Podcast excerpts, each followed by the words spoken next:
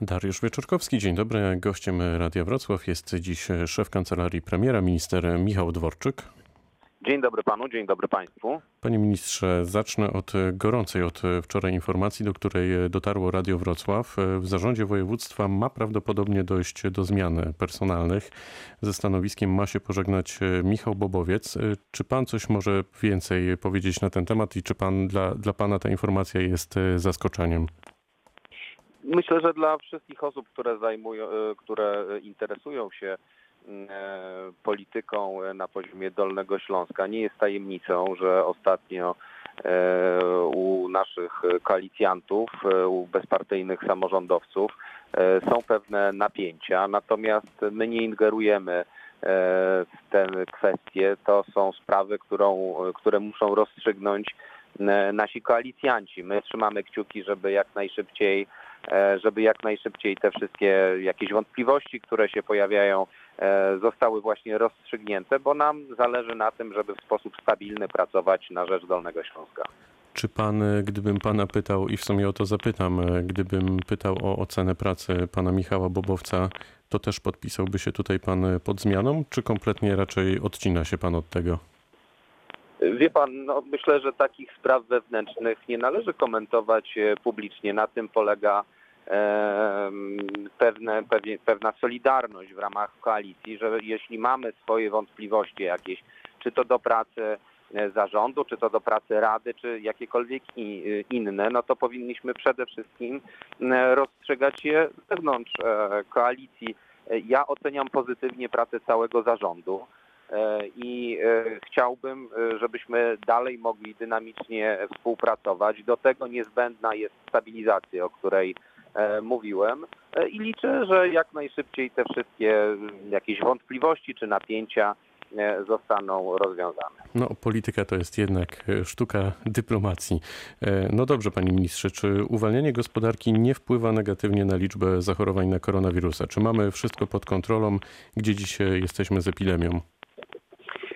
Jesteśmy na etapie stabilizacji, natomiast na pewno przedwczesnym byłoby powiedzenie, że koronawirus już należy do historii, że pandemia nie będzie miała wpływu na życie społeczno-gospodarczo-polityczne kraju czy Europy. Nie, tak powiedzieć niestety nie można. Natomiast bardzo dobrze, że udało nam się uniknąć takich sytuacji, z jakimi mieliśmy do czynienia w Hiszpanii, we Włoszech. My dzisiaj mamy dosyć krótką pamięć i zapominamy o tym, że jeszcze niedawno rozważano tymczasowe pochówki w Central Parku w Nowym Jorku, że wojskowe ciężarówki z niektórych miast włoskich nocą wywoziły osoby zmarłe na COVID-19 i tak dalej, i tak dalej. W związku z tym udało nam się przejść przez ten najtrudniejszy okres. Tu olbrzymia zasługa ministra Szumowskiego, premiera Morawieckiego, który koordynował te działania, ale na pewno jeszcze z koronawirusem nie pożegnaliśmy się i cały czas są duże wyzwania, z którymi musimy się mierzyć na każdym szczeblu, czy to samorządowym, czy to rządowym. Ja wczoraj w regionie rozmawiałem z samorządowcami i to naprawdę są bardzo duże wyzwania. Tu jest potrzebna współpraca i jedność w walce z pandemią. Jak jesteśmy przy zdrowiu, czy temat ministra Łukasza Szumowskiego i różnych medialnych doniesień na temat majątku pana ministra uważa pan już za zakończony? To znaczy, czy jego wyjaśnienia są dla was, dla rządu wystarczające? Przede wszystkim mamy do czynienia z trwającą ponad trzy tygodnie nagonką medialną na ministra Szumowskiego, na jego rodzinę i temu absolutnie się przeciwstawiamy. Takim punktem kulminacyjnym, myślę, był ostatni weekend, kiedy na przystankach warszawskich, na infrastrukturze miejskiej, można powiedzieć, chociaż wynajmowanej przez firmę AMS, której właścicielem jest Agora, czyli też właściciel Gazety Wyborczej, pojawiły się plakaty absolutnie skandaliczne, no taki typowy przykład mowy nienawiści wobec pana ministra, który jest w ten sposób atakowany. Pojawiły się też groźby, dlatego zapadła decyzja, żeby przydzielić ochronę funkcjonariuszy Służby Ochrony Państwa panu ministrowi i z taką nagonką, z takim atakiem absolutnie się nie możemy zgodzić. To jest niestety w moim przekonaniu typowy atak na polityka, który został zdefiniowany jako jeden z mocniejszych punktów rządu Mateusza Morawieckiego. W pewnym momencie zaufanie e, do pana ministra Szumowskiego e, sięgało powyżej 70%. I w moim przekonaniu to był właśnie zasadniczy powód, dlaczego e, zaczął być tak brutalnie atakowany. Natomiast oczywiście wszyscy politycy powinniśmy być transparentni. E, To czy, panie ministrze, wejdę w słowo, czy w takiej sytuacji ta ustawa o majątkach e, rodzin polityków e, by nie pomogła?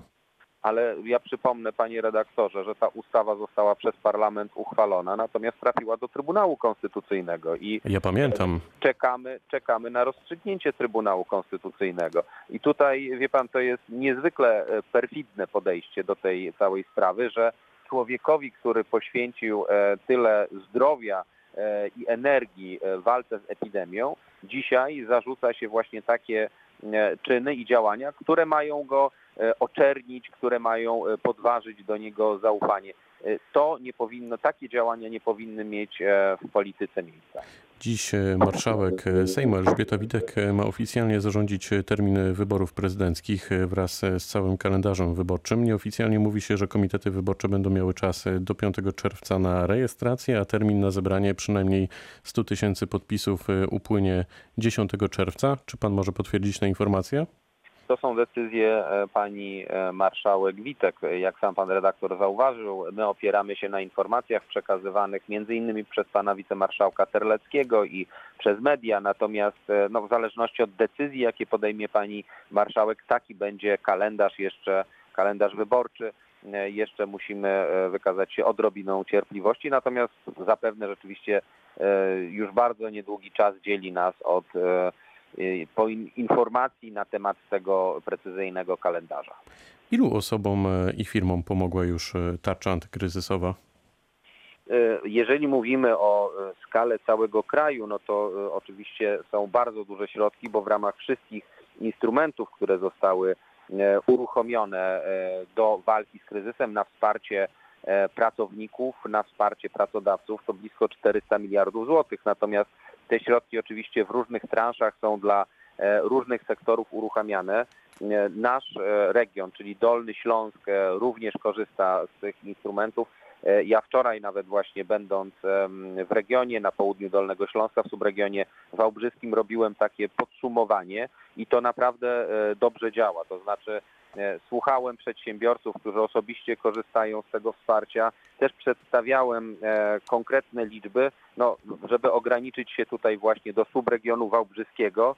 E, To jest ponad 450 milionów złotych, które już trafiły e, do e, przedsiębiorców. Ponad 3300 przedsiębiorstw i 24 e, tysiące pracowników, którzy skorzystali z tych instrumentów wsparcia. A to nie jest przecież koniec, bo te instrumenty cały czas działają. My też namawiamy za pośrednictwem e, mediów, a więc i Radia Wrocław, do tego, żeby firmy wykorzystywały te instrumenty stworzone e, do tego, żeby wspierać e, pracowników, pracodawców w tym trudnym czasie, bo dzisiaj mierzymy się z dwoma kryzysami. Jeden to jest kryzys zdrowotny, kryzys e, wywołany pandemią koronawirusa, a drugi kryzys jest konsekwencją pierwszego, czyli kryzys gospodarczy. I rząd uruchomił te środki po to, żeby Polska, w konsekwencji również przedsiębiorcy i wszyscy Polacy jak najłagodniej przeszli przez ten e, kryzys finansowy, który dotyka e, nie tylko całą Europę, ale cały świat.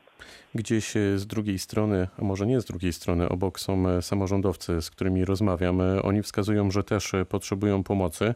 Czy rząd pomoże samorządowcom w jakiś sposób? My wsłuchujemy się e, w te wszystkie postulaty. Oczywiście tak to jest e, stety albo niestety, że w życiu e, trzeba pewne kompromisy mm, zawierać. Nie da się zrealizować wszystkich oczekiwań. Ja wczoraj też miałem takie spotkanie z wszystkimi samorządowcami. Myślę tu o burmistrzach, wójtach powiatu dzierżoniowskiego, ale również z innych powiatów samorządowcy kontaktowali się ze mną. Powtarzają się postulaty związane z pewnym zwiększeniem elastyczności e, rozliczeń e, i właśnie finansów samorządowych, które w tym roku no, będą o wiele trudniejsze e, niż w latach ubiegłych.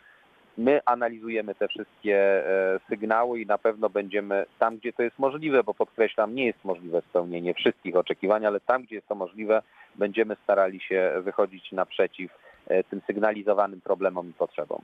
Na początku tego tygodnia politycy Platformy Obywatelskiej podsumowali niespełnione obietnice prezydenta Andrzeja Dudy. Wskazali m.in. na fragment drogi S8.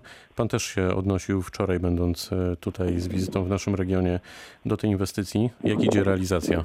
Wie pan, no jak słyszę e, takie opowieści, no to muszę powiedzieć, że e, nie wiem za bardzo, czy się śmiać, czy e, być zatroskanym, bo to wyjątkowy albo cynizm, albo kompletny brak wiedzy. No przypomnijmy fakty. Fakty są takie, że w 2015 roku ogłoszono po wielu latach stagnacji, że droga numer 8 będzie remontowana jako droga krajowa. I tak naprawdę dopiero E, po wygranej przez Prawo i Sprawiedliwość e, wyborów w 2015 roku. Od 2016 roku zaczęły toczyć się prace, które doprowadziły najpierw do tego, że e, droga numer 8 została wpisana do rozporządzenia Rady Ministrów określającego przebieg dróg, i auto, dróg szybkiego ruchu i autostrad. Do tego czasu ani w subregionie wałbrzyskim nie było zaplanowane, nie mówię o budowie, ale nie było zaplanowane ani jednego kilometra drogi ekspresowej, więc wpisano wówczas, to była jesień zeszłego roku, e, do tego rozporządzenia drogę S8 łączącą Wrocław z Kłodzkiem i S5, nową zupełnie drogę ekspresową, która odchodzi od S8, będzie odchodzić od S8 na e, wysokości Sobótki e, i będzie łączyła przez Świdnicę i Wałbrzych czy okolice Świdnicy i Wałbrzycha e, tą e, Wrocław e, z S3 i potem zostały przyznaczone pierwsze 3 miliardy złotych na prace przygotowawcze i ruszyły te prace przygotowawcze. Teraz właśnie zakończył się czas przygotowania kopii i w lipcu jeszcze zostaną złożone wnioski o wydanie decyzji środowiskowych dla S8, a w przyszłym roku jestem przekonany, że zostanie rozpisany przetarg E, w formule zaprojektuj i buduj dla drogi ekspresowej S8. Natomiast e, prace e, dotyczące S5 też postępują. W lipcu będzie zakończenie etapu ZOPI i żeby tu nie wchodzić w szczegóły, to jestem przekonany, że w 2023 roku zostanie rozpisany również przetarg na formule zaprojektuj i buduj dla S5. W związku z tym, jak słyszę tego rodzaju zarzuty, E, no to nie wiem właśnie, czy, czy śmiać się, czy być zatroskanym nad wyjątkowym cynizmem, jakim e, posługują się osoby, e, które takie zarzuty formułują. Czyli innymi słowy, kampania trwa na dobre, chyba tak bym to podsumował. Szef kancelarii premiera, minister Michał Dworczyk, był gościem dzisiejszej rozmowy Dnia Radia Wrocław. Bardzo dziękuję za to spotkanie. Dziękuję panu, dziękuję państwu, spokojnego dnia. Pytał Dariusz Wieczorkowski. Dobrego dnia.